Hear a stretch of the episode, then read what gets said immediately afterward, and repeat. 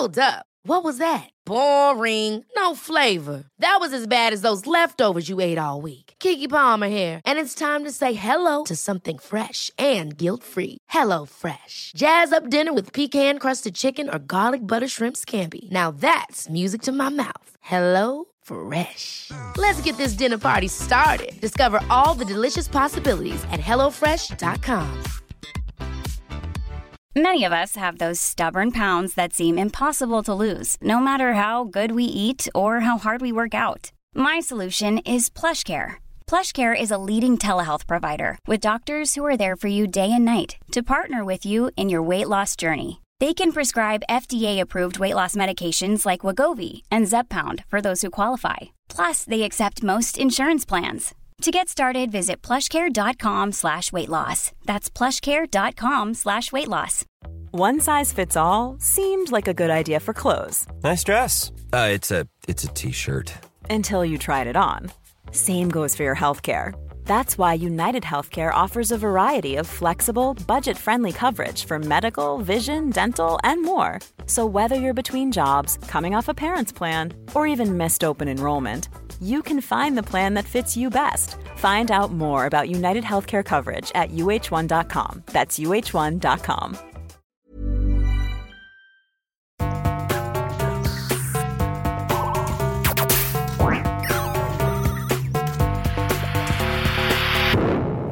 Velkommen til Sinnsyn. Jeg heter Sondre Risom Livre, er psykolog, og dette er Webpsykologens podkast. Hverdagspsykologi for fagfolk og folk flest.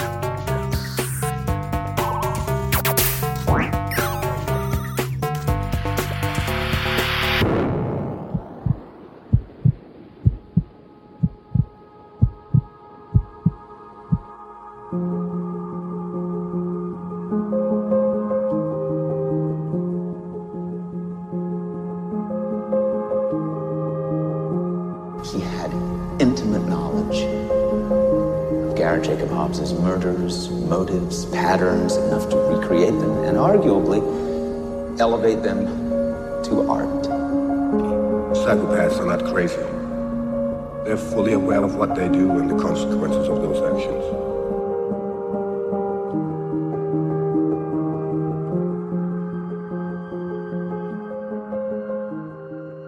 Dette blir den andre episoden om psykopati eller antisosial atferd. Jeg har snakket om egoisme i flere tidligere episoder, men siden hatt en egen episode hvor jeg begynte å pirke i overflaten på en mer alvorlig variant av egoisme, nemlig psykopati. I dag skal jeg fortsette litt i dette landskapet og begynne med en begrepsavklaring. Hva er egentlig forskjellen på en psykopat, en sosiopat og en person diagnostisert med en dyssosial personlighetsforstyrrelse? For å utforske dette feltet baserer jeg meg på min kone, som er det motsatte av dyssosial, altså empatisk, omsorgsfull og sosial, men hun vet mye om temaet. Hun har nemlig skrevet en rekke artikler om kriminalitet og antisosial oppførsel, og disse artiklene finner du i en egen kategori på webpsykologen.no. Dette er også et tema som har opptatt mange, og det er det gode grunner til. I forrige episode om psykopaten, som jeg tror var episode 96, nevnte jeg at opp mot 1% av befolkningen kan klassifiseres som psykopater, og mennesker som oppfører seg uten etiske retningslinjer og samvittighet, kan potensielt sett skade oss. Derfor er det kanskje ikke så dumt å vite litt mer om denne typen folk, om ikke annet for å unngå dem og sørge for at de ikke tar plass i vårt eget liv. Det neste spørsmålet jeg vil lufte i dagens episode, er behandlingspotensialet ved antisosiale forstyrrelser. Er det egentlig mulig å behandle eller kurere en psykopat? Her er det litt forskjellige meninger, men behandlingsresultatene er ikke spesielt lovende eller oppløftende. Kort sagt assosierer vi en psykopat med en person uten empati og omtanke for andre. De opererer med en motivasjon som dreier seg om egen vinning og tilfredsstillelse av egne behov på bekostning av andre. Det finnes angivelig 70 millioner psykopater på jorda, og jeg har dessuten hørt om ny teknologi med psykopatiske tendenser. Forbrukerinspektørene er tilbake med en ny sesong. I denne sesongen tester vi brødristere. Og finner ut hvilken modell som best tåler vann. Og vi får også møte Roy, som kjøpte en billig GPS på nettet, men som mistenker at GPS-en kan ha blitt levert med virus. Også Den GPS-en funka helt fint i starten, den, men etter hvert så begynte den å gi meg litt sånne merkelige beskjeder. Ta til høyre i Øvre Slottsgate. om ti meter. Kjør videre til Drammensveien om fem meter. Dra til helvete om ti meter. Altså, Noen av de forslaga som den GPS-en kom med, de, de var litt spesielle. Kjør utfor stupet om ti meter. Vi får høre Roys sterke historie. Også Noen ganger så var det nesten som om hun der GPS-dama flørta med meg. Ta av deg på overkroppen om tre meter. Ja, Mens andre ganger så var det nesten som om den der GPS-en ville meg vondt. Kjør til bankplassen og stopp bilen utenfor Norges Bank. Og ta ut avsagd hagle. Ja, Men jeg har jo ikke det. Det finnes i hanskerommet. Vi får også høre om hans store komplikasjoner med å få returnert GPS-en tilbake til produsenten. Altså, Jeg skulle jo ha levert den der GPS-en til Forbrukerrådet, da, men eh, den nekter å fortelle meg veien dit. Forbrukerinspektørene. Hver onsdag på NRK1. I møte med antisosial atferd har vi mange begreper. Psykopati, sosiopati, antisosial og dyssosial personlighetsforstyrrelse. Hva ligger i disse definisjonene på menneskers hensynsløshet? Det er dagens første spørsmål. Når vi opplever at mennesker bryter sosiale koder, oppfører seg gement eller skader andre intensjonelt, enten fysisk eller psykisk, har vi ofte en tendens til å kalle atferden for psykopatisk.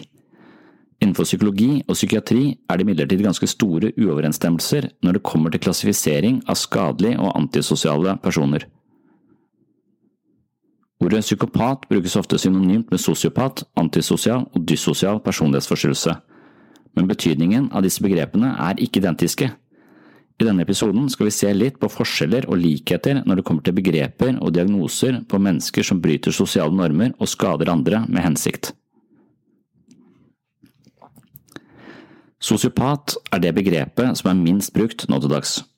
Innenfor psykiatri har man ingen diagnostiske redskaper som understøtter sosiopati som en egen diagnose, bortsett fra den første utgaven av DSM, den amerikanske diagnosemanualen, altså Diagnostic and Statistical Manual of Mental Disorders, fra 1952.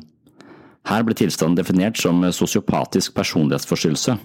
Den er også nærmere spesifisert som blant annet antisosial reaksjon eller dyssosial reaksjon. En oppsamling av karaktertrekk knyttet til sosiopatidiagnosen fra 1952 lyder som følger 1. Kronisk antisosial 2. Alltid i trøbbel 3.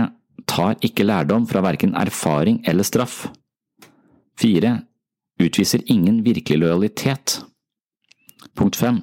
Ofte hedonistisk, vil si tilstreber og betrakter egen nytelse som den høyeste gode 6. Følelsesmessig umoden 7. Dårlig dømmekraft 8. Mangel på ansvarsfølelse 9. Evnen til å rasjonalisere eller begrunne sin oppførsel slik at den fremstår som adekvat og fornuftig. Men sosiopati er som nevnt ikke i klinisk praksis en egendefinert diagnose i dag, ettersom klinikere forholder seg til aktuelle diagnosemanualer. DSM-4 som nå erstattes av DSM-5, eller ICD-10 som erstattes av ICD-11. Dog kan den anvendes eh, som forståelsesmodell, som eksempelvis beskrevet av psykologiprofessor David T. Lykken.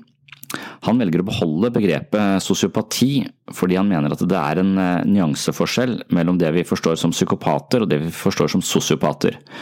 Og Hans eh, forståelse av dette er at en sosiopat er et begrep som kom inn for å relatere personens antisosiale oppførsel til vanskeligheter i oppveksten, og gjerne da foreldres manglende omsorg eller ivaretagelse av barnet.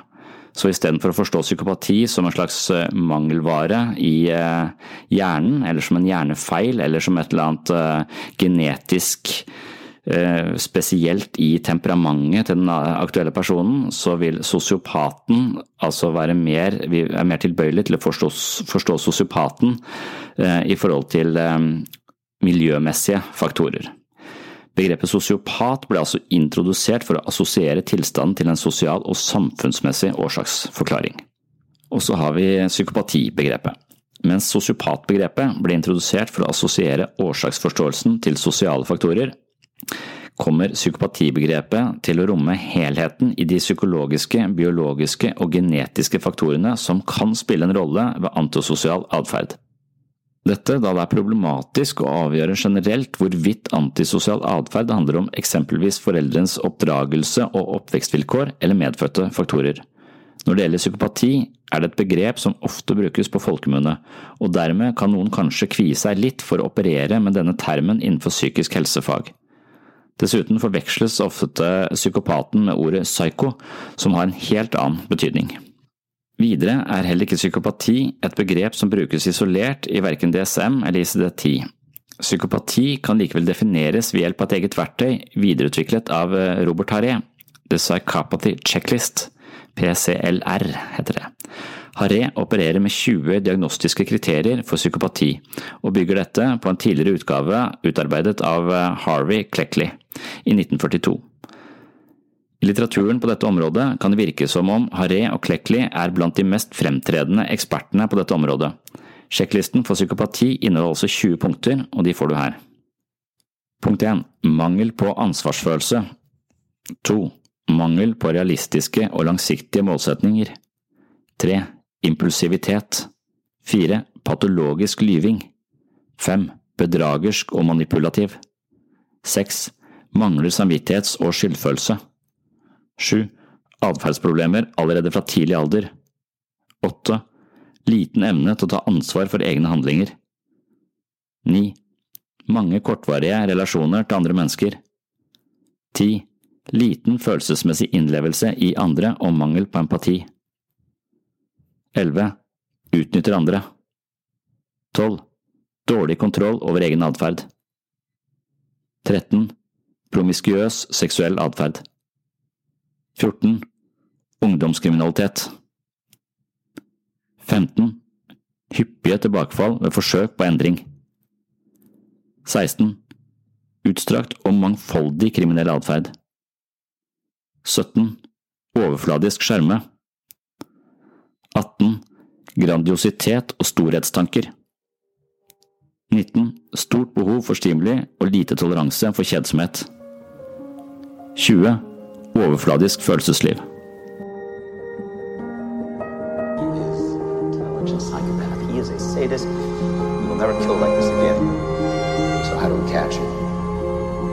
He has is. You can assume your point of view, mine, and maybe some of the bones of you scary. It's an uncomfortable gift, Jack. Perception's a tool that's pointed on both ends.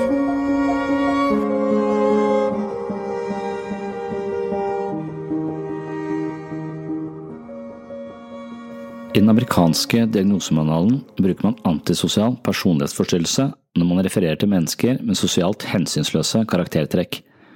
Denne manualen opererer med en liste på sju punkter, hvorav minst tre punkter må være oppfylt for å tilfredsstille diagnostiske kriterier.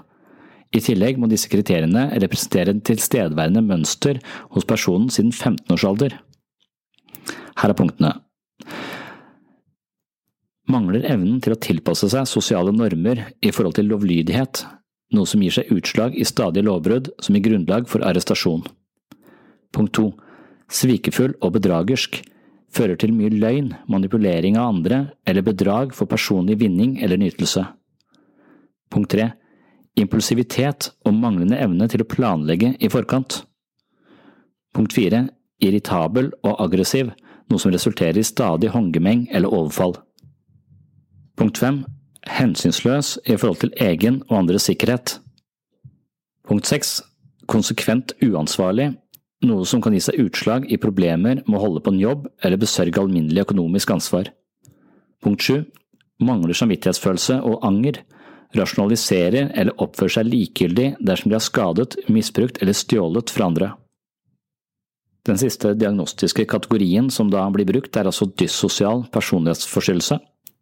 Dyssosial personlighetsforstyrrelse er brukt som begrep i den europeiske diagnosemanualen ICD-10 og også ICD-11. I ICD-11 må også minst tre kriterier være til stede for å kunne sette diagnosen. I tillegg må den antisosiale atferden representere et vedvarende mønster helt fra barndommen og ungdomsårene, samtidig som de generelle kriteriene for personlighetsforstyrrelser må være til stede. altså at atferden og relasjonene synes å uttrykke individets typiske livsstil og måte å forholde seg til seg selv og andre på. Her er punktene fra ICD-10. Punkt 1. Kald likegyldighet for andres følelser. Punkt 2. Markert og vedvarende ansvarsløs holdning og ignorering av sosiale normer, regler og forpliktelser. Punkt 3. Manglende evne til å opprettholde varige forhold, men uten vansker med å etablere slike. Punkt 4. Meget lav toleranse for frustrasjon, lav terskel for aggressive utbrudd, inklusive voldsbruk. Punkt 5. Manglende evne til å oppleve skyldfølelse eller til å lære av erfaringer, særlig straff. Punkt 6. Markert tendens til å gi andre skylden, eller til å rasjonalisere den atferden som har brakt pasienten i konflikt med samfunnet. Symptomene innenfor de ulike klassifikasjonssystemene er nært beslektede og utfyller eller overlapper hverandre. Listen på 20 symptomer i forhold til psykopati blir hver for seg skåret på en trepunktskala, 0, 1 og 2.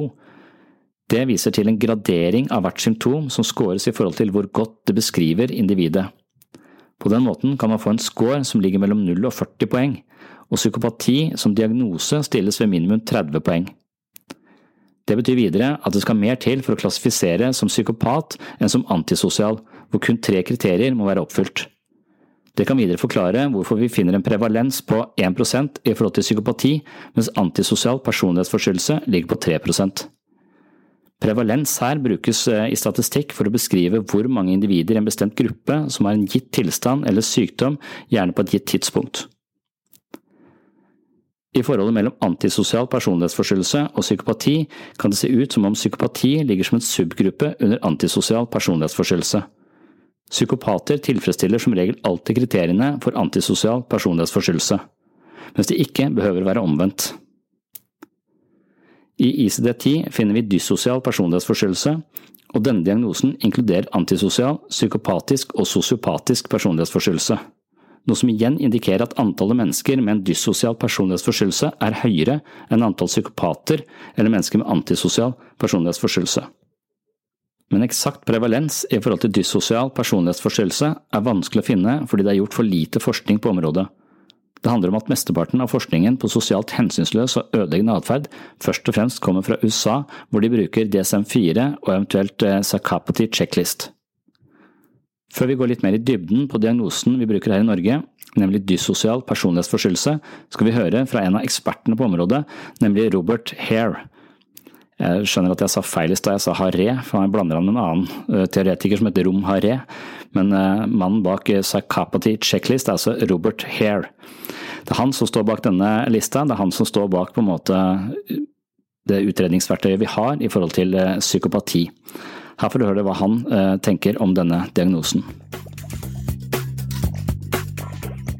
A leading researcher in the study of psychopathy is Dr. Robert Hare, a psychologist at the University of British Columbia. Dr. Hare has spent much of his career in a search to identify and understand the behavioral characteristics and personality traits of the psychopath.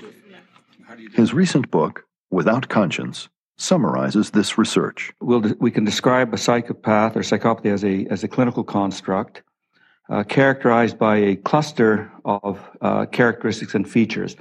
And the cluster would include interpersonal characteristics, how we deal with other people, how the individual interacts with somebody else, affective char- characteristics, um, feelings, emotions, and uh, uh, other behaviors, including uh, socially deviant behaviors.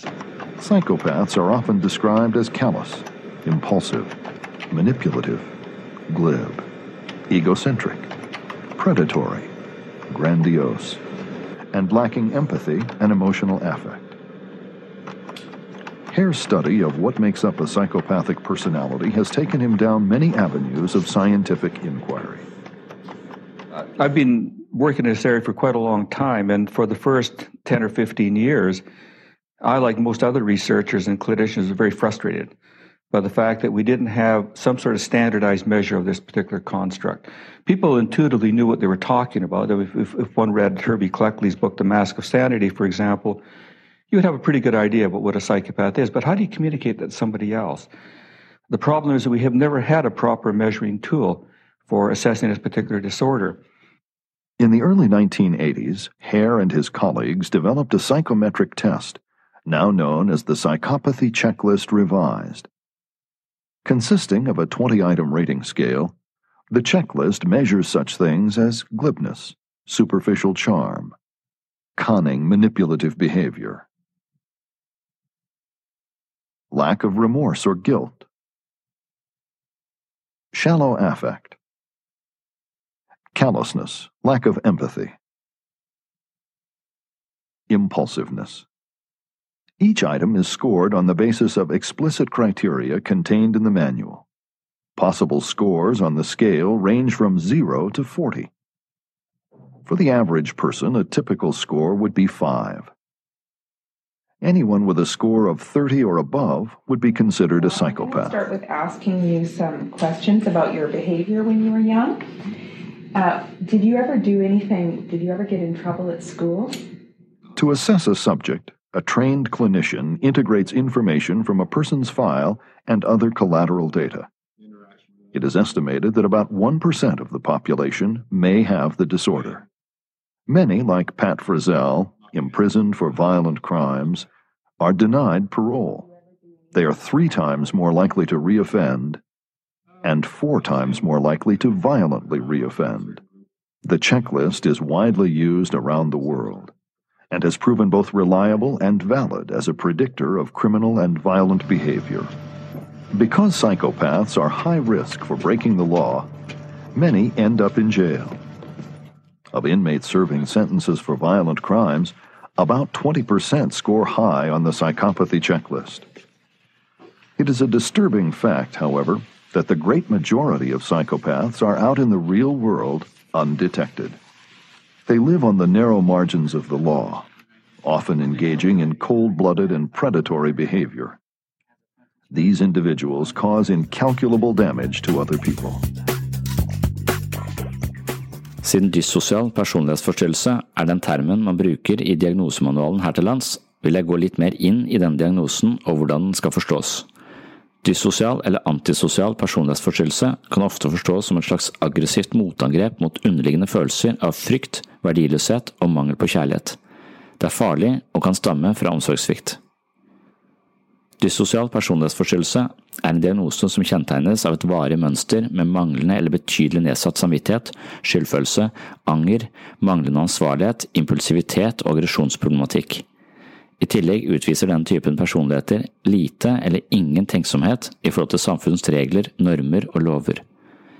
Mennesker som klassifiseres som dyssosiale, er med sin væremåte ofte til stor belastning for sine nære omgivelser.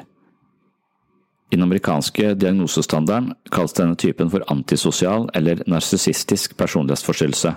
Selv om det er en betydelig overlapping i symptomer, skiller både diagnosene dyssosial personlighetsforstyrrelse og antisosial personlighetsforstyrrelse seg fra det gamle psykopatibegrepet, slik vi har vært inne på tidligere i denne episoden.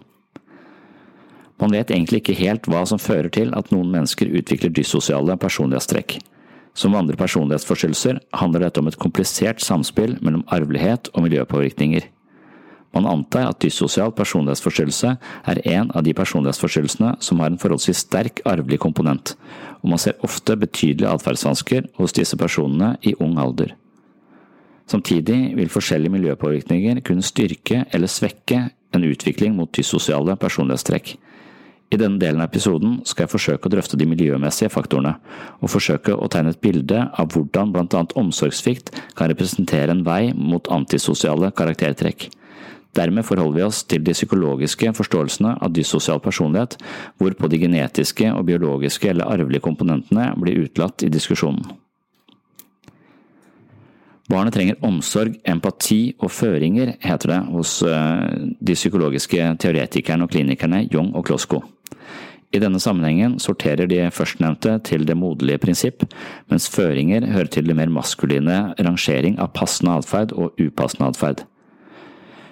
Rent sånn stereotypt så heter det seg at mor elsker barnet uansett hva, mens far formidler at han er glad i barnet, men at regelbrudd og uskikkelighet vil få konsekvenser. En god blanding av grenser, regler, modellæring, omsorg, empati og kjærlighet er i grove trekk det mye psykologisk teori betrakter som optimale vilkår for oppvekst og utvikling. Når jeg snakker om de feminine og de maskuline prinsippene, så betyr ikke det at kvinner er feminine og menn er maskuline. Det betyr at enhver person kan ha mer eller mindre feminine og maskuline trekk i seg. Det har vi uansett, men vi har en, en balanse i det, så noen har mer maskuline trekk i seg, noe som gjør at de tenderer til å sette strengere grenser og være litt tydeligere overfor barnet, mens eh, noen har mer feminine krefter som eh, har eh, et større potensial innenfor omsorg og, og kjærlighet og nærhet. Så de to kreftene spiller, spiller på lag i, i, oppvekst, og vi har det i oss alle sammen. Dessverre er det ikke alle barn som opplever en passe blanding av grenser og omsorg, hvorpå de risikerer å utvikle upassende og problematiske mønstre senere i livet. Symptombildet kan variere mye fra person til person, men i psykisk helsevern forsøker man å lage noen overordnede kategorier som hjelper oss å forstå ulike utviklingslinjer og karaktertrekk. De personene som i voksen alder tilfredsstiller de diagnostiske kriteriene for en dyssosial personlighetsforstyrrelse, har som regel hatt betydelige atferdsvansker i barndommen og oppveksten. Jung og Klosko gir en god beskrivelse av en slik utviklingslinje. Deres eksempel omkranser en gutt som ble fysisk og psykisk mishandla av sin far, mens mor hadde en perifer og passiv rolle i familiekonstellasjonen. Denne gutten vokser opp i et miljø som på ingen måte speiler hans egen indre verden og emosjonelle bevegelser på en god måte, men snarere overkjører ham med en slags infam fiendtlighet. Som voksen kan man kjempe imot, stikke av eller hente hjelp hvis man blir utsatt for overtramp og mishandling. Som barn har man ikke denne muligheten og spesielt ikke når overgriperen er den personen barnet både er glad i og avhengig av. Barnet er rett og slett nødsaget til å godta misbruket da det trenger forbindelsen og kontakten til denne personen. Barn med sadistiske foreldre har et stort og svært alvorlig problem. Young og Klosko påpeker at slike foreldre ofte slår til eh, allerede når barnet er ganske lite, ofte under fem års alder.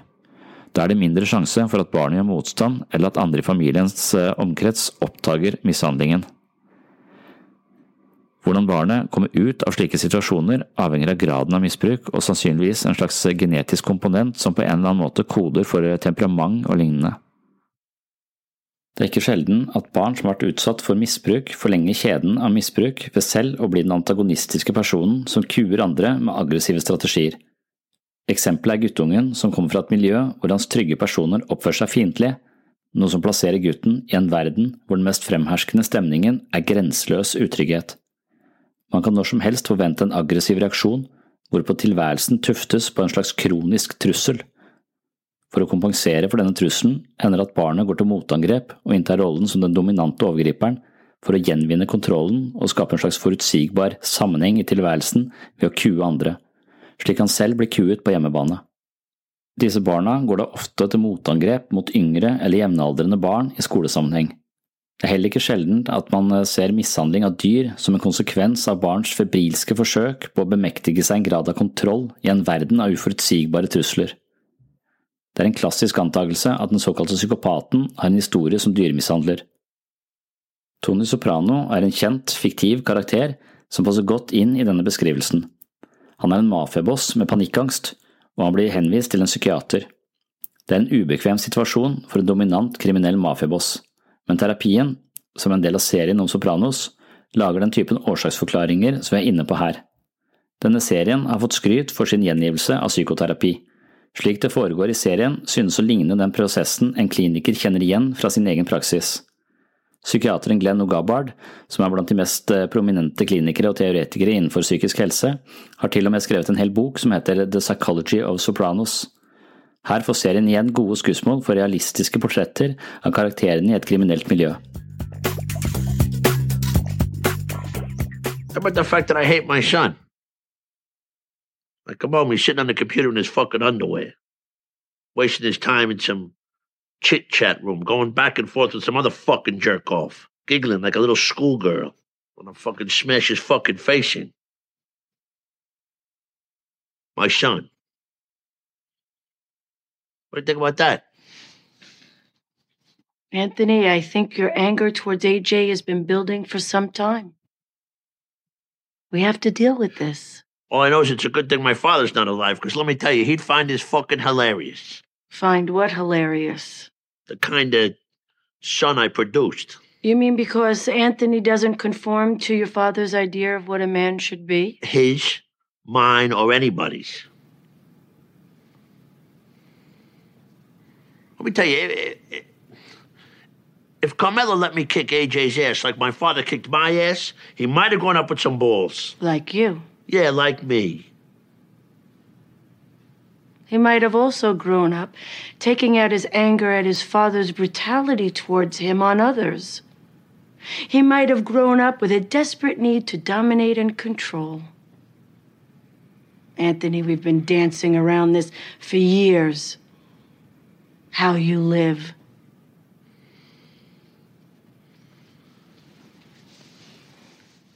What is it you want from your life?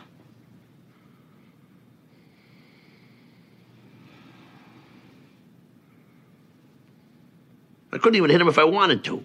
He's so fucking little. It's Carmelo's side of the family. They're small people. Her father, you could knock him over with a fucking feather. Okay. But I have to point out what you resent Carmela doing for AJ, protecting him from his father, is the very thing you had often wished your mother had done for you. Den delen av det psykologiske spekteret vi nå har snakket om, representerer altså et slags aggressivt motangrep i forhold til en underliggende følelse av verdiløshet og mangel på kjærlighet, men også de mellommenneskelige temaene som handler om dominans, selvhevdelse og status i flokken. Selvfølgelig er dette en grov generalisering, men det viser seg at mennesker som har et stort antall erfaringer som handler om omsorgssvikt, selvfølgelig også har et mentalt apparatur hvor disse erfaringene skriver seg inn i deres mentale biologi og tvinger frem mestringsstrategier for å overleve i verden.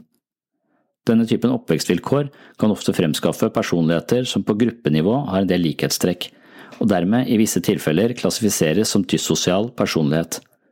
Det skal påpekes at eh, mange mennesker som opplever slike oppvekstforhold, kan komme til å reagere helt annerledes.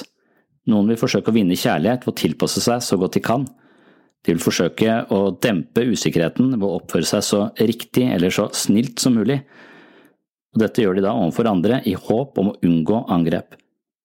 Dermed har vi en person som ikke oppleves som utfordrende og aggressiv, eventuelt ond, i hermetegn, men snarere en person som utviser varme, forståelse og strekker seg så langt de kan for å bli likt og akseptert.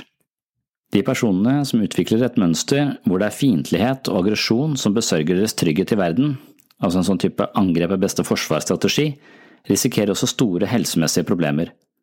Mange av dem havner i kriminelle miljøer, eller miljøer som misbruker rusmidler. Det borger videre for en belastende livsstil som tærer på personen både psykisk og fysisk.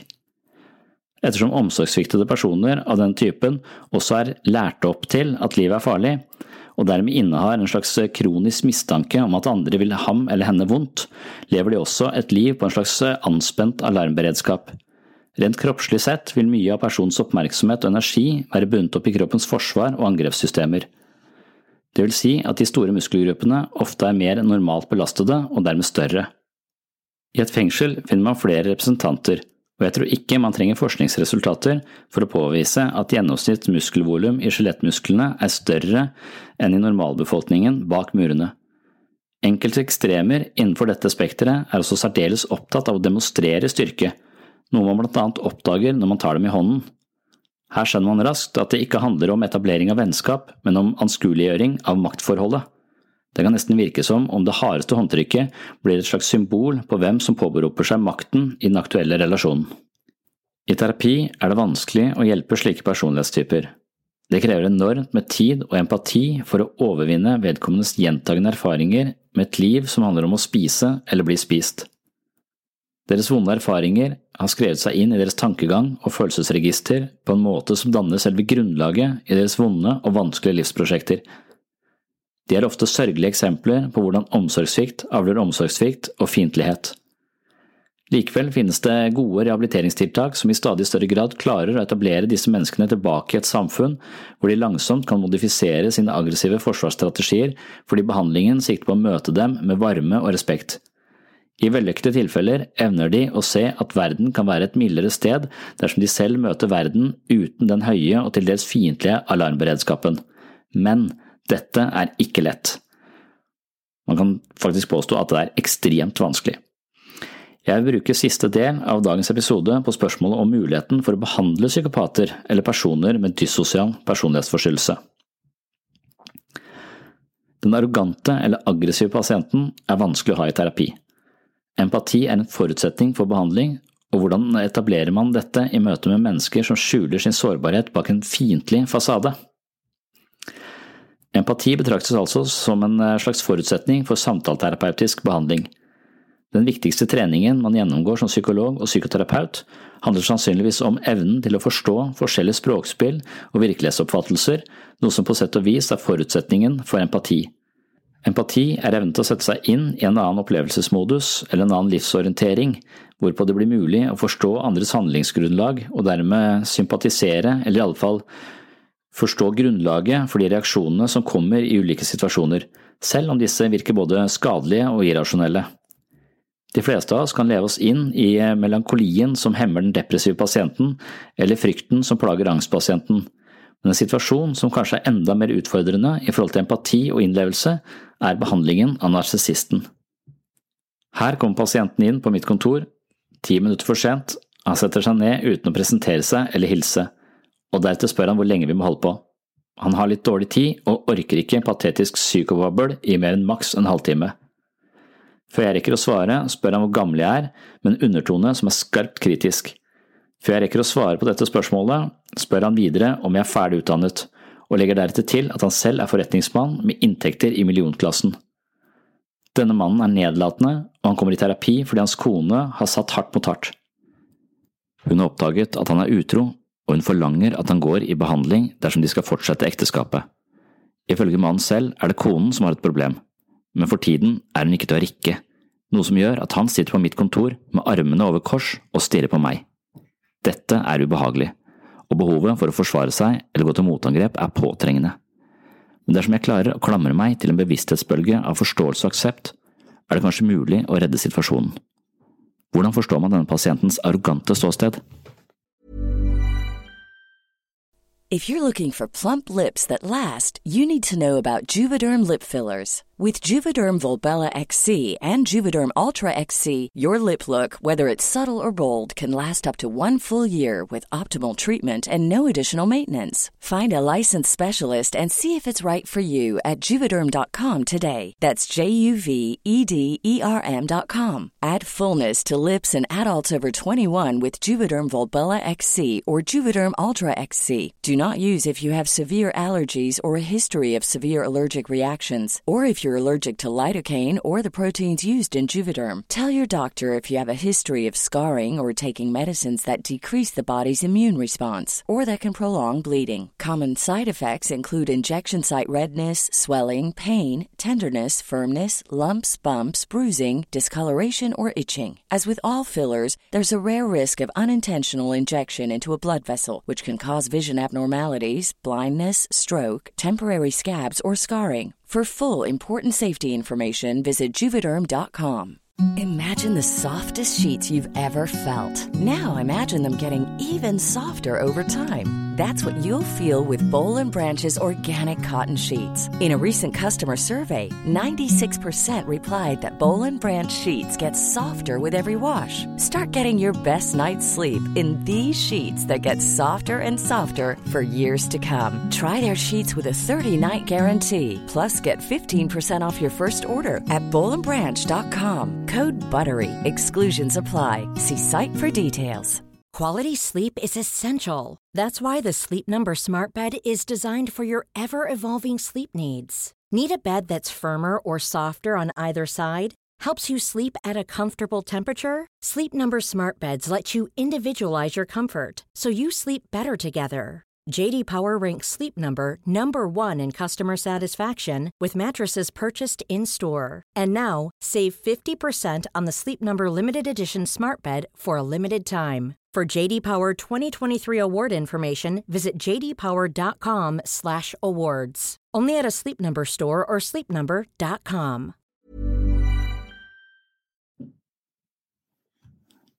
Som regel er slik oppførsel et forsvar som baserer seg på territorial hersketeknikk, og den underliggende målsetningen er å unngå ydmykelser. Ved å angripe først vinner man ofte den fordelen at andre blir litt skremt og trekker seg unna. Prisen man betaler, er ensomhet i en emosjonell ørken. Denne mannen er såra, kanskje litt redd, og bruker mye energi på vedlikehold av sitt aggressive forsvarsverk.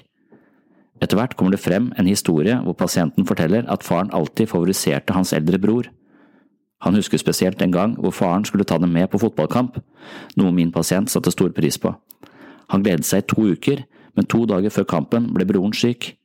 På selve dagen sto min pasient ved utgangsdøra, ikledd supportertrøye og ivret etter å komme seg av sted. Da faren oppdaget sin yngste sønn ved døren, smiler han rått og annonserer at han ikke gidder å dra på kamp når det bare er med ham. Fra det øyeblikket bestemmer min pasient seg for at han aldri skal trenge noe av noen. Ingen skal noensinne få innblikk i hans behov eller komme i en posisjon som kan såre ham. Han forvandler seg selv om til en stein og antar en tøff og trakasserende holdning som indikerer at ingen kan tråkke på ham. I et slikt lys er det mulig å forstå manns illevarslende fremtoning, og man kan til og med finne sympati for hans ensomme posisjon bak muren av fiendtlighet. Når det gjelder en god psykoterapeut, bør vedkommende altså ha gode empatiske evner som kan trenge gjennom til andres perspektiver, og dette er forutsetningen for å drive akseptabel psykoterapi. Men det holder ikke å forstå og akseptere pasientens perspektiver, følelser og holdninger. Terapeuten må også ha modighet og handlekraft nok til å utfordre narsissisten når alliansen er såpass sterk at den tåler forslag og kommentarer av mer dirigerende karakter.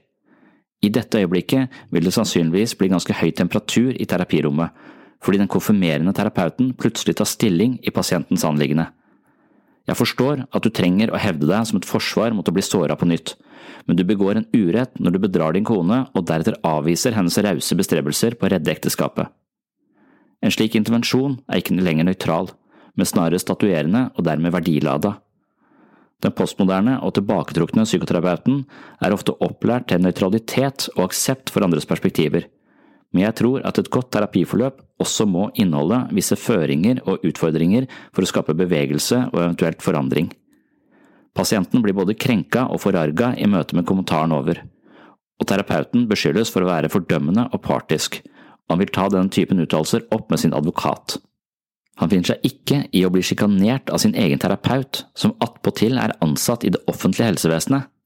Det blir dermed en amper stemning på kontoret, og terapeuten blir konfrontert med sine fastsettende kommentarer. Spørsmålet er på hvilket grunnlag terapeuten uttaler seg.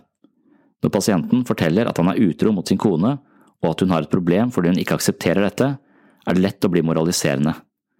Dersom terapeuten i et slikt tilfelle uttaler seg fra et religiøst ståsted og begrunner sin fordømmelse i Tredje Mosebok, når man driver hor med en gift kvinne, skal de begge dø, både mann og kvinnen som har brutt ekteskapet. Hvis det er eh, setninger fra Tredje Mosebok som eh, er bakgrunnen for terapeutens eh, holdninger til utroskap, så intervenerer denne terapeuten fra et ståsted og et bestemt verdisystem som rent fagetisk sett vil være betenkelig. En annen mulighet er at terapeuten har opparbeidet en god kontakt med pasienten til tross for den litt fiendtlige atmosfæren som omsøper denne mannen. Terapeuten har forstått ham og kan dermed finne både empati og omsorg for den ensomme mannen bak den hovmodige fasaden. Terapeuten har oppdaget at mannen er glad i sin kone, men så redd for å bli sviktet at han kommer henne i forkjøpet. Mannen er ofte hensynsløs når han omgås andre, noe som gjør at han møter mye uvennskap i verden. Dette forsterker hans egen fiendtlighet og gjør ham enda mer forbitret og forknytt. Terapeuten har oppdaga dette, og en rekke andre sentrale karaktertrekk hos mannen, og han har klart å bygge en grei relasjon fordi han ikke havner i den fellen hvor han misliker pasienten og dermed kommer til å møte han med den samme antagonismen som pasienten er vant til i sin hverdag.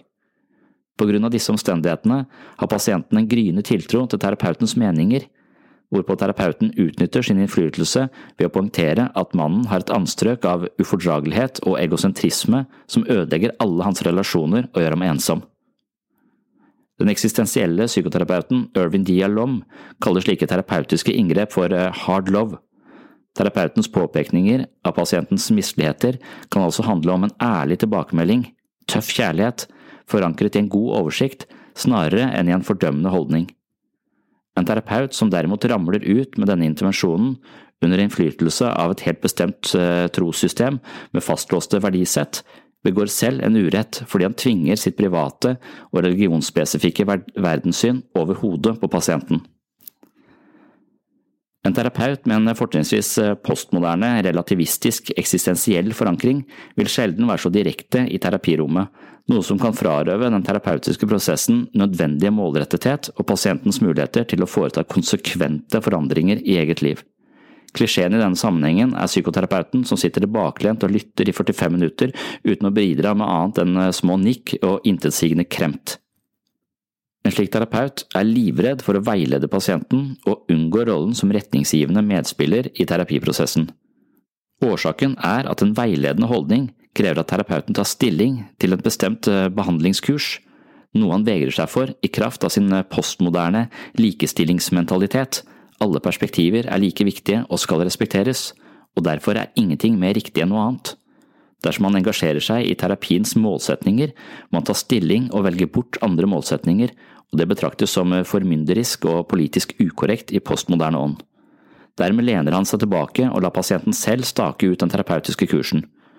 Ofte vil denne prototypen på en psykolog frustrere pasienter, i alle fall hvis problemet nettopp er å orientere seg i et følelsesliv og en tilværelse som har blitt kaotisk og uoversiktlig. En slik tilbakelent holdning i møte med narsissisten vil sannsynligvis provosere i så stor grad at det første møtet også blir det siste. Den fortrinnsvis verdinøytrale terapeuten med gode empatiske og mentaliserende evner vil forsøke å skape en oversikt i pasientens problemer, og våger i større grad å komme med kommentarer av retningsgivende og stipulerende karakter. Det springende punktet er hele tiden på hvilket grunnlag terapeuten leverer sine verbale behandlingsangrep. Er man bestemt fordi man har en forankring i et bestemt livssyn, eller er man bestemt fordi man har en stor oversikt over mange perspektiver og en innfølende forståelse for pasientens problemer?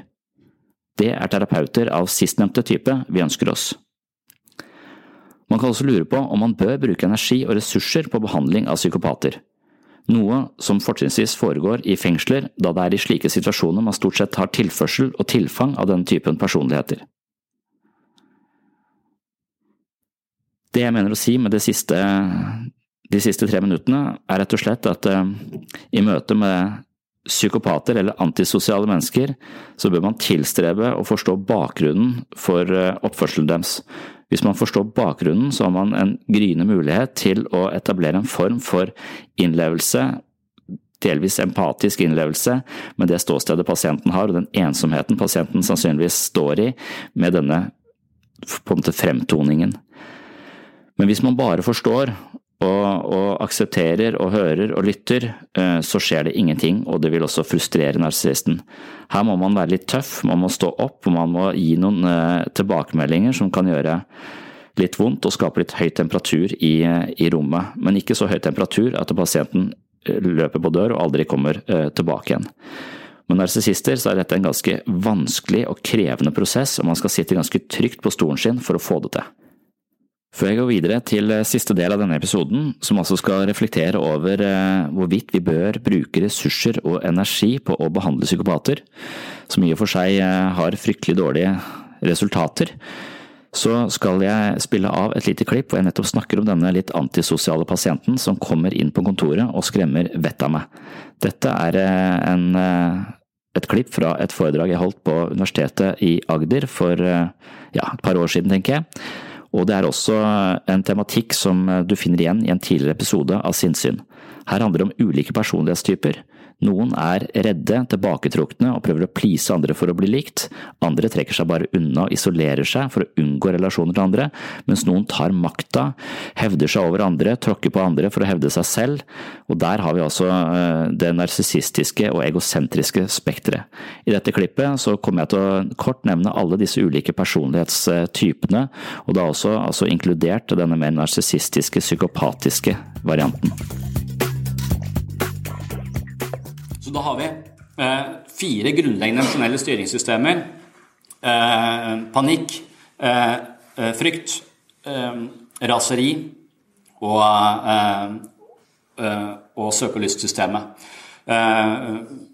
Frykt, eller dette raserisystemet, handler om Freuds oral, eller analstadie. På sett og vis handler om å markere seg og ha kontroll dette 'jeg er redd' eller, og usikker, det er eh, oralstadiet, altså den tryggheten kontra å bli, bli forlatt. Og hvis vi tenker, har disse systemene i bakhodet og tenker på dem som en slags mental muskel som blir stimulert gjennom livet, og hvordan de blir stimulert, det er det utviklingspsykologiske teorier forteller oss noe om. Og erfaringene skriver seg inn i oss. Og veldig mye ustabile, eller på en måte erfaringer For mye erfaringer i en av disse emosjonelle styringssystemene kan skape en slags skakk grunnmur i personligheten vår. Og en skakk grunnmur betyr at vi på en måte det huset, den personligheten vi bygger oppå der, vil få en eller annen, vil være preget av denne grunnmuren på et eller annet nivå. Og Hvis du da som Hege har for mye energi bundet opp i panikksystemet, så risikerer du denne avhengige personligheten som har Hvis du skal oppsummere psykologien i én setning, så er det 'jeg er ikke ok, men du er ok'. Veldig lite tro på meg, stor tro på at du kan hjelpe meg. Og de søker veldig ofte hjelp i psykisk helsevern. For det er veldig lite tro på at de kan gjøre noe med livet sitt selv, men de har veldig stor tro på at noen der ute kan si et eller annet fantastisk, komme med en eller annen medisin osv., så, videre, så får det til å falle på plass inni meg. Og hvis du gir den personlighetstypen f.eks. benzodiazepiner eller en eller annen avhengighetsskapende medisin, så tenner de på det med en gang. Det er veldig lett for at de blir avhengig av det. De trenger noe utenfor seg selv for å skape balanse her inne, for de har ikke troa på at de kan gjøre det selv. Det handler om selvfølelse, om trygghet på seg selv og følelsen av å være, ha muligheten til å påvirke og være aktivt til stede og ha rett til å være her i, i livet og ta seg, ta seg fram på en måte. Det handler om selvfølelse. Så når den personen kommer på mitt kontor, og jeg sitter og leser VG-nett Jeg er så innmari opptatt av hva for noe galskap Donald Trump har gjort siden, siden sist. Så, så banker de på døra. De banker så forsiktig at jeg nesten ikke hører det. Og når jeg åpner, så har de et håndtrykk som er så på en måte slapt at det er ikke noe håndtrykk der. Og når jeg snakker til dem, så ser de ned i bakken. Beklager at de kommer og opptar min tid. Selv om jeg er jo egentlig der for å hjelpe folk, er ikke for å lese VG-nett. De stammer, rødmer litt, tydelig at de er på en måte usikre på seg selv og syns det er litt sånn, men veldig opptatt av om jeg kan hjelpe dem. Og Hvis jeg da er en person med et ego som er litt underernært, ifølge Kohut, på det grandiose Polen, så trenger jeg at folk er avhengig av meg. Så det er litt fint at jeg er så innmari viktig for denne personen, så jeg ringer til Nav og fikser opp her og ordner. Og på sett og vis så fratar jeg da dette med Det jeg sier at ja, jeg må hjelpe deg fordi du er så miserabel selv. Så det er på en måte den største fallgropa i hjelperyrket er at, vi, i vårt behov for å hjelpe andre blir litt overivrige, og istedenfor å hjelpe dem, frarøver de selvstendighet og evnen til å fikse ting sjøl. Og i verste fall så ser du at noen av den typen problematikk legges inn på en døgnpost med en viss grad av god fungering, men etter hvert så, De har vært på døgnposten lenge med masse omsorgsfulle mennesker rundt seg. Så til slutt så slutter de å spise og må fôres med sonde. Altså at egofunksjoner stadig vekk fjernes fordi at de overhjelpes. Så det å overhjelpe noen, det er som å, litt som å være en psykisk vampyr på et annet menneske. Altså at jeg får en god følelse av at jeg gjør ting som du burde klart sjøl. Det booster meg, mitt ego, mens på sett og vis så gjør det deg bare avhengig av meg. Du får en ny krykke i ditt liv som du blir avhengig av. Og det skal man være veldig obs på. og det er en og det syns jeg ser mye i hjelperyrket. da, Jeg har vært, helt klart vært der selv, men fått hjelp til å se meg selv utenfra da, med, med veiledning og sånn. altså Det å prøve å for, bli for viktig for et, annet, for et annet menneske. Så Det er den avhengige posisjonen. Der må man jobbe med selvfølelse, selvstendighet, troa på egen altså Man kan ikke overta livet for denne personen, man må hjelpe dem til å tro på seg selv. Og Det er en helt, mye mer finurlig og vanskeligere prosess enn å bare hjelpe dem med alt jeg trenger hjelp til. Så det er den avhengige posisjonen. Så finner du også mennesker som kommer i denne mer fryktsomme posisjonen. Det er fryktsystemet. Og fryktsystemet er hva skal man si Moren til Hege var jo ikke ond. Hun var bare hjelpeløs. Gjorde så godt hun, godt hun kunne. Mens du risikerer også å møte mennesker som vokser opp med omsorgspersoner som er særdeles ustabile eller slemme. Så altså den personen som skal ivareta meg, oppfører seg slå meg f.eks., eller oppfører seg på måter som er direkte skremmende. Så da vil man på en måte som menneske man, man, vil ikke få noen erfaring på at jeg er verdt å elske og jeg er en verdifull person. Så du får veldig lite troa på deg selv. Du blir ikke speilet på en måte som sier at du er verdifull som menneske, du er verdt å elske. Det er grunnmuren i et godt liv. Det å føle seg verdifull og, og, og verdifull nok til å bli elsket av et annet menneske. Det skal du gjerne få av omgivelsene dine.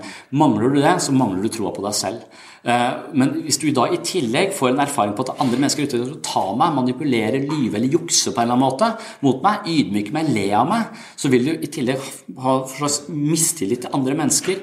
Og den personlighetstypen der er unnvikende. Hvis du skal oppsummere psykologien, så er det 'jeg er ikke ok', men det er ikke du heller. Jeg har ikke noe tro på meg selv, men heller ikke tro på dine intensjoner. Så de er skeptiske, de møter verden med en mur av mistillit, og de tror alltid at andre har en eller annen skjult agenda. Så når de kommer på mitt kontor, så lener de seg tilbake og sitter alltid med hendene i kors sånn, en sånn forsvarsposisjon. Hvis jeg da stiller et spørsmål ja, 'Hvordan har du det i dag?' sier de 'Nei, hvordan har du det i sier de da. Så de bare vender om. De vil ikke 'Hva mener du med det? Hvorfor lurer du på det?' Nei, jeg vet ikke. Du kommer eh... det er vel for å skape en slags eh, relasjon her. Så, så, de hele tiden, har hele tiden en idé om uh, at uh, du holder tett, korta tett til brystet. Dette er en ekstrem ensom posisjon. Så her, der nede så mangles det selvhevdelse. Den til høyre er på en måte følelsesmessig varm, mens den til venstre er følelsesmessig kald. Og Der har du den unnvikende personligheten over den mer paranoide personligheten, hvor også hele tiden er skeptisk til andres intensjoner og osv opp mot det mer eh, raserisystemet. Altså 'jeg er ok, eh, du er ikke ok'. Da er vi over i narsissisme, eh, eller overdreven selvhevdelse. Eh, og de personene de kommer jo ikke i behandling. Heldigvis for meg. Eh, fordi at det, det, er ikke noen grunn til å komme i behandling. De tenker at de er bedre enn andre.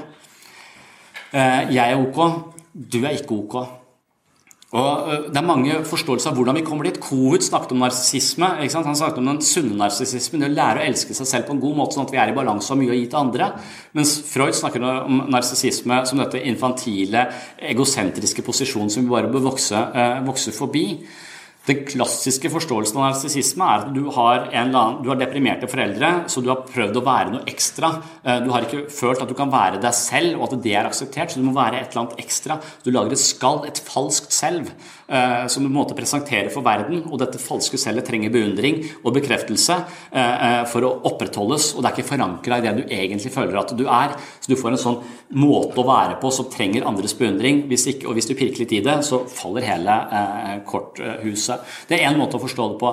Denne måten her å forstå det på kan også være sånn at et barn som aldri får grenser, et barn som aldri lærer seg at 'jeg er sterkere enn deg, så du kan ikke drepe meg og gifte deg med kona mi'. Eh, Den situasjonen der sånn at barnet får grenser og merker at jeg har noen personer rundt meg som er sterkere enn meg, det gjør det litt trygt, for jeg kan lene meg på de hvis jeg kommer i, i vanskelig, vanskeligheter. Eh, så, så, man på en måte får noen grenser. Men noen foreldre kan synes det er vanskelig å sette grenser. Det er kanskje det vanskeligste med oppdragelse, å sette gode, eh, gode grenser. Og da hvis du da aldri setter grenser, så får du et barn som bare tenker at så lenge jeg skriker høyt nok, så får jeg det som jeg vil.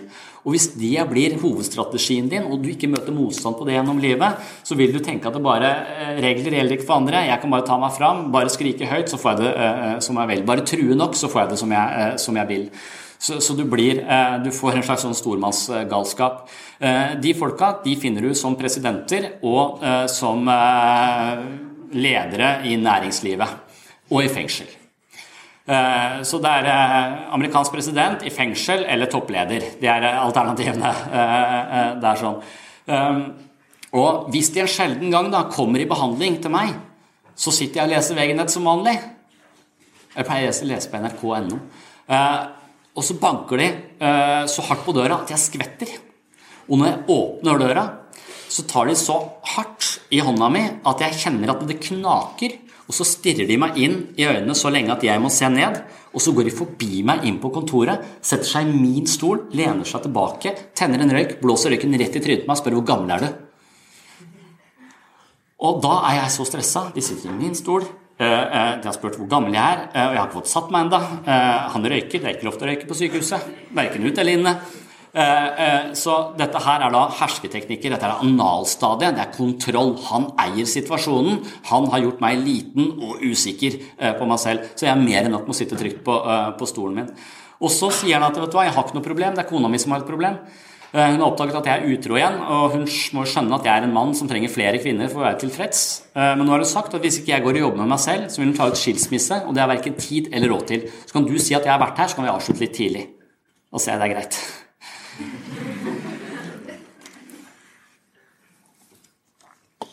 De menneskene er stress. Analstadiet, hvor kommer det fra? Fra Freud. Hva tenkte han på? Vi vet ikke. Men jeg tenker at katter de bæsjer jo rundt forbi, for, og de, greier ikke å grave det ned hvis de tenker at dette her er mitt territorium. Han fyren her han bæsjer ikke på kontoret mitt, men det er nesten. Eh, han markerer i hvert fall at 'jeg eier dette stedet', og du er underordnet meg. Jeg er ok, du er ikke ok. Eh, så det skaper en ubalanse. Dette her er en emosjonell ørken. Disse folka er aleine. De har venner, men det er bare fordi at venner ikke tør noe annet. Eh, eh, Så dette er den en ganske sånn ubehagelig posisjon som vi da ikke ser så mye av i, eh, i, i helsevesenet. For det gir ikke mening å, å søke hjelp på den måten. Og så har du denne søke- og lystsystemet. Det eneste systemet som er positivt. Eh, Så hvis du har hatt eh, eh, det trygt og godt gjennom oppveksten, du har fått masse bekreftelse på at du er en ok person, du har også erfaring på at andre mennesker er ok, så får du denne strategien som sier 'jeg er ok, du er ok'. Jeg har tro på meg selv, og jeg tror på dere. Og jeg har ikke overdremt mye frykt og bekymring. Jeg har litt, selvfølgelig, men jeg er i balanse. Får du på en måte dugnadstypen. Hvis han kommer i behandling, så er det fordi han har vært på for mange dugnader. Og det koster egentlig 250 kroner å komme seg unna en dugnad. Men i Gimletroll, altså jeg bor rett her oppe, der koster det 2500 å ikke komme på øh, Så det er ganske dyrt. Men jeg sier til de folka da, bare betal deg ut av neste, øh, neste dugnad, så kommer ting i balanse. Takk, sier jeg ikke mer til de. De kommer ikke i behandling, for de trenger ikke behandling. De er fornøyd med seg selv og de er fornøyd med andre mennesker. Hvis de kommer i behandling, så er det fordi de er overarbeida. De sier litt for mye ja. Litt problem å sette grenser. Så det er mulig å få en sånn type patologi der. Så Hvis vi skal se da på dette her i populærkulturen Jeg er litt opptatt av reality-TV eh, og sånn, syns det er spennende. Jeg begynte å se på eh, se på eh, hva heter det, Robinson-ekspedisjonen for mange mange, mange år siden. Og Robinson-ekspedisjonen er ikke interessert i å få sånne veldig balanserte folk inn på Nødøy. De er interessert i å få folk som er litt karakteristiske. Alle mennesker har alle disse typene i seg, men vi har mer eller mindre av det. Har vi god balanse, så er vi en rimelig samla og, og, og på en måte normal personlighet. Det skaper balanse, skaper overlevelse. Men er vi skakke på en eller annen måte, så får vi en eller annen tendens som ofte vil utspille seg. Og hvis du skal lage reality-TV, så vil du ha litt karikerte mennesker. Og du vil gjerne samle dem på en øde øy, for det er veldig forutsigbart hva som kommer til å skje. Eh, eh, Så det første da som skjer på en øde øy, er at vi må finne ut hvem er lederen. Og det er bare to ledertyper her. Det er de som har troa på seg selv. Det er jeg er ok, som kan være ledertypen. Du må ha troa på deg selv for å være leder. Og hvis du samles på en øde øy, så er første konflikten som, eh, som dukker opp, hvem er lederen på denne øya? To kandidater. Du har dugnadstypen og diktatoren. Eh, og da viser historien eh, oss at det er diktatoren som går av med seieren. For det dugnadstypen skjønner at hvis ikke han gir han der oppe til venstre lederrollen, så kommer han til å lage så mye trøbbel i den gruppa her at vi kommer ikke til å komme av flekken. Så dermed så er det best at han bare blir leder. Så da blir det Donald Trump Nei, eh, da blir det Eh, altså denne diktatoren, eh, selvsentrerte egoisten som overkjører alle andre, som blir eh, lederen. Han blir riksklysa, vi hater han, og vi håper at dugnadstypen eh, vinner. Han nederst til høyre der, han driter i hvem som er leder, bare han slipper. Så han gjør bare sånn som, lederen, eh, eh, som han får beskjed om av lederen, og så følger han blindt etter eh, de andre. Han nederst til venstre der, han blir stemt ut i første øyeråd. Det er fordi at han ikke gidder å ta noe ansvar, men så er han hele tiden kritisk til det alle andre gjør. Så han driver hele tiden og klager på det alle andre gjør. Men hvis da de sier 'kan du komme med noe bedre forslag', så er han unnvikende og trekker seg unna. Eh, Så han ryker da i første, eh, første øyerådet. Rino er der. Christer Falk har gjort en hel karriere på å være riksplyse. Der oppe er også Donald Trump, dessverre. Eh, og så er spørsmålet også finnes det da en posisjon som er sånn ubalansert på dugnadsfronten der. Og det kan det være, for du må også lære at noen ting er farlig. Du bør kikke tilbake på den trygge basen og se at ja, dette er ikke så, uh, så greit. Her bør du legge deg litt under, her bør du trekke litt tilbake. Vær litt skeptisk.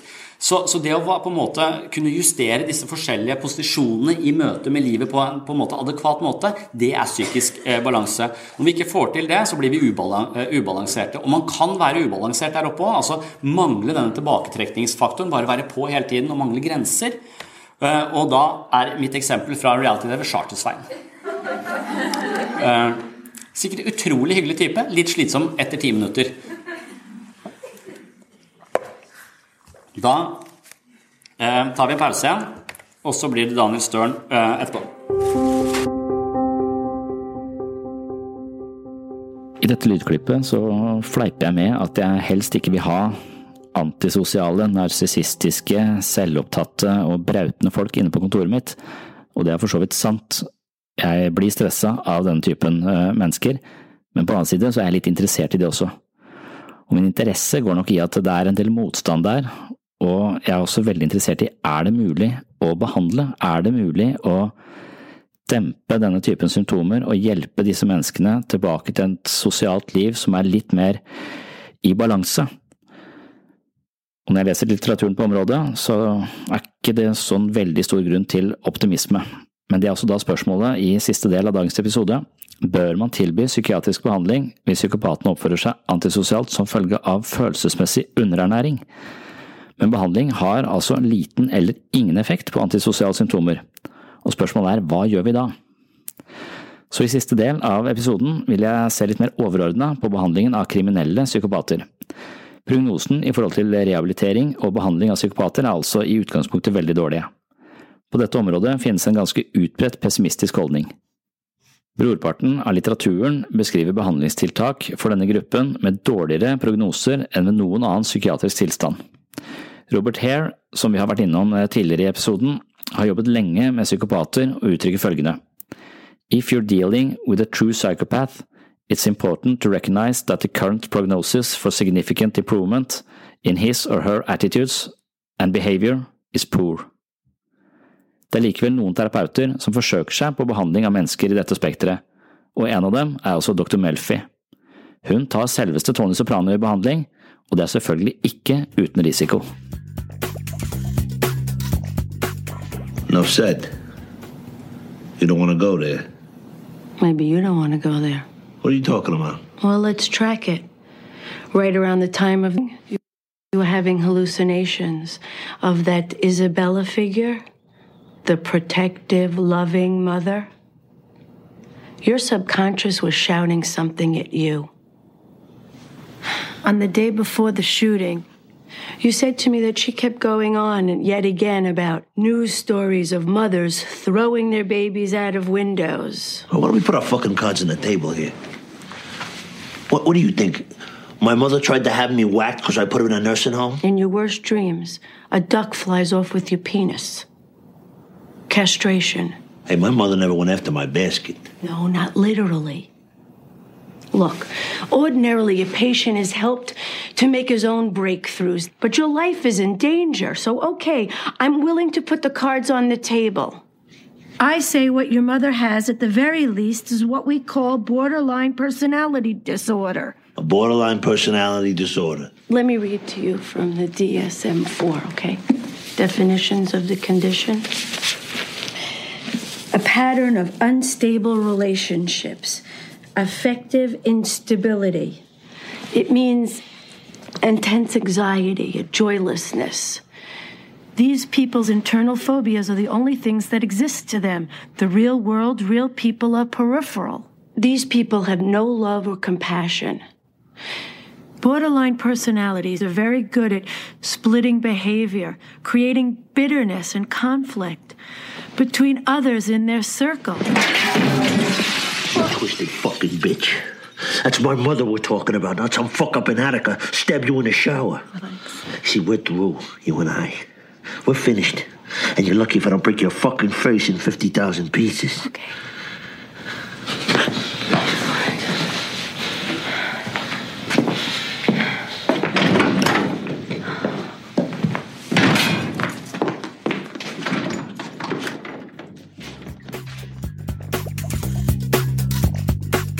Jeg må innrømme at jeg er eh, veldig imponert over eh, Dr. Melfi. Hun er en klok og dyktig psykoterapeut. Fiktiv sådan, men, og hun er modig i møte med Tony Soprano. Men tilbake til behandlingspotensialet ved psykopati eller antisosiale forstyrrelser. To stykker som heter Raid og Gakano er også overveiende negative når de påstår, basert på forskning, at verken psykoterapi eller medikamentell behandling har noen kurerende effekt på antisosial atferd. Lignende synspunkter finner vi igjen i materialet til Klekli. Ogloff og hans medarbeidere har arrangert et studie hvor det fremkommer at det er mer sannsynlig at kriminelle psykopater dropper ut av behandling, er mindre motivert og generelt sett viser langt mindre forbedring enn andre pasienter. Hare refererer til en studie av Rice og medarbeidere fra 1992 hvor det fremkommer at psykologisk behandling faktisk forverrer psykopaten. Dette resultatet fant man ganske enkelt ved å ha to grupper av innsatte psykopater den ene gruppen fikk psykologisk behandling, mens den andre gruppen ikke fikk det. Etter løslatelse fra fengselet viste det seg at de som ikke mottok behandling, var mindre voldelige enn de som hadde fått en form for psykoterapeutisk oppfølging. Hare og Reid og Gakano nevner imidlertid et mer eller mindre positivt og håpefullt aspekt i forhold til endringspotensial hos psykopater. Denne optimismen handler ikke om en bestemt behandlingsform, men skriver seg fra forskning som viser at antisosial atferd har en tendens til å brenne ut når man kommer opp i 40-årene. De antisosiale symptomene avtar altså av seg selv. Hare relaterer dette til flere faktorer. Blant annet tror han at psykopaten blir lei av å være i konflikt. Dette betyr imidlertid ikke at de har skjedd noen fundamentale forandringer i psykopatens personlighet. De empiriske og kliniske eh, forankrede konklusjonene kan indikere at det ikke er hensiktsmessig å bruke ressurser på rehabilitering eller behandling av kriminelle psykopater. I forlengelse av dette tenker flere at man kun bør tenke samfunnspreventivt og plassere psykopater i fengsel, og ikke nødvendigvis bruke så mye krefter på å reetablere dem i samfunnet. De negative prognosene gir anledning til å tenke at psykopater bør være i fengsel på livstid ettersom de ikke er i stand til å forandre seg. Spørsmålet er om dette er en eh, tilfredsstillende konklusjon, eller en resignasjon fra et etisk og humant perspektiv. På tross av de overveiende negative synspunktene på behandling av kriminelle psykopater, finnes det noen stemmer som våger et mer optimistisk perspektiv. I Danmark er det et sted som heter Hersted Wester, hvor kriminelle psykopater behandles. Georg K. Styrup har kalt det behandling av de uhelbredelige. Styrup var leder for denne institusjonen i over 40 år. Han tror ikke at kriminelle psykopater kan kureres, men han påstår at symptomene kan dempes. I never say that I cure psychopaths. I do claim, however, that during their stay in Hersted Wester, they have been helped to become nicer psychopaths. Behandlingen på Hersted Wester består av psykodynamisk orientert psykoterapi og miljøterapi, hvor personalet er til stede i samhandling med de innsatte gjennom dagens gjøremål og rutiner. Ogloff og medarbeidere har gjennomført en studie av psykopater i behandling ved et kommunalt oppfølgingsprogram. Her finner de ikke bare at psykopaten er vanskelig å behandle, men også at det er vanskelig, hvis ikke umulig, å bevise at psykopater ikke kan behandles med god effekt. Poenget er at man må undersøke om behandlingsmetodene egentlig fungerer, og da risikerer man gjentatte antisosiale handlinger. Dennis M. Doran har skrevet en bok om psykopater fra et psykologisk perspektiv. Han påstår at terapi med psykopater ikke er et håpløst prosjekt, bare veldig, veldig vanskelig. Han påstår rent faktisk at mange psykopater kan behandles. Et lignende synspunkt finner vi hos rettspsykiateren John Gunn. Han mener at psykopater faktisk responderer positivt på flere ulike behandlingsstrategier. Til syvende og sist havner vi tilbake i noen grunnleggende etiske og moralske problemstillinger. Er psykopaten ond eller syk? I rettspsykiatrisk sammenheng regner man som regel psykopaten som tilregnelig, kalkulerende og rasjonelt handlende.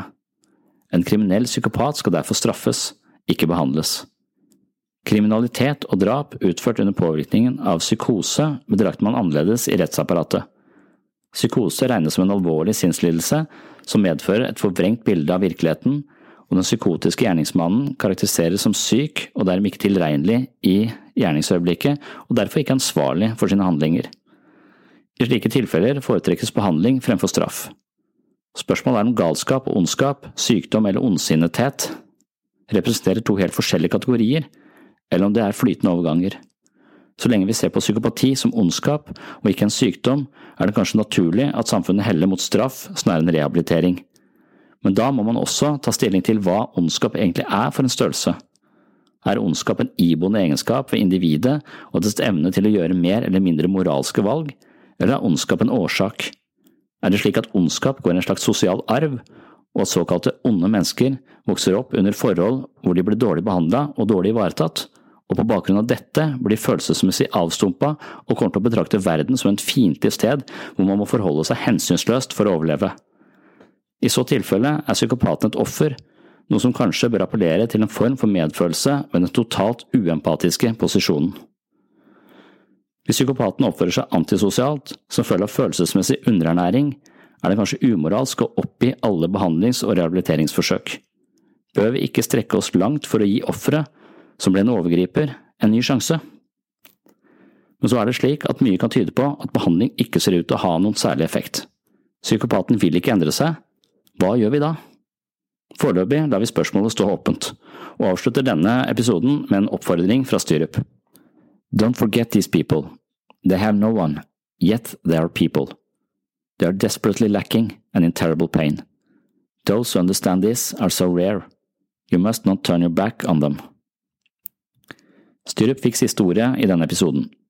Alt jeg har sagt i dag er også forankret i litteraturen på området. Jeg orker ikke å henvise underveis i episoden, men alt jeg har sagt i dag finner du igjen i artiklene på webpsykologen.no. I shownotes til denne episoden finner du alle referansene jeg har brukt i dag, og linker til de artiklene jeg baserer denne episoden på. Sånn sett skal alt jeg har sagt være rimelig etterrettelig og lett å finne tilbake til kildene for dem som er ekstra interesserte. Vi har også skrevet et tyvetalls artikler om narsissisten, psykopaten og seriemorderen under en egen kategori på Webpsykologen. I Sidebar kan du sortere artikler etter kategori, og da kan du eventuelt velge kategorien som heter rettspsykologi, kriminalitet og antisosial atferd. Takk for at du hører på Sinnsyn, og velkommen tilbake om en ukes tid til en ny episode. På gjenhør!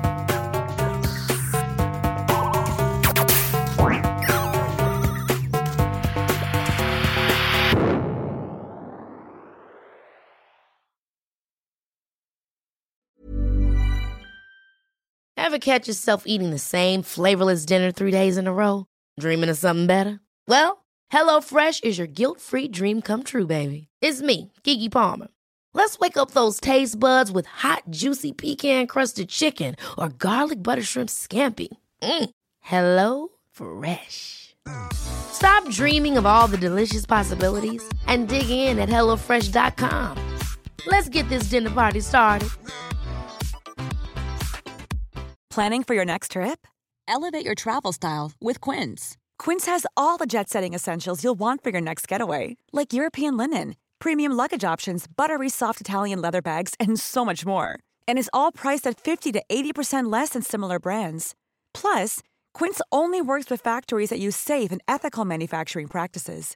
Pack your bags with high-quality essentials you'll be wearing for vacations to come with Quince. Go to quince.com/pack for free shipping and 365-day returns.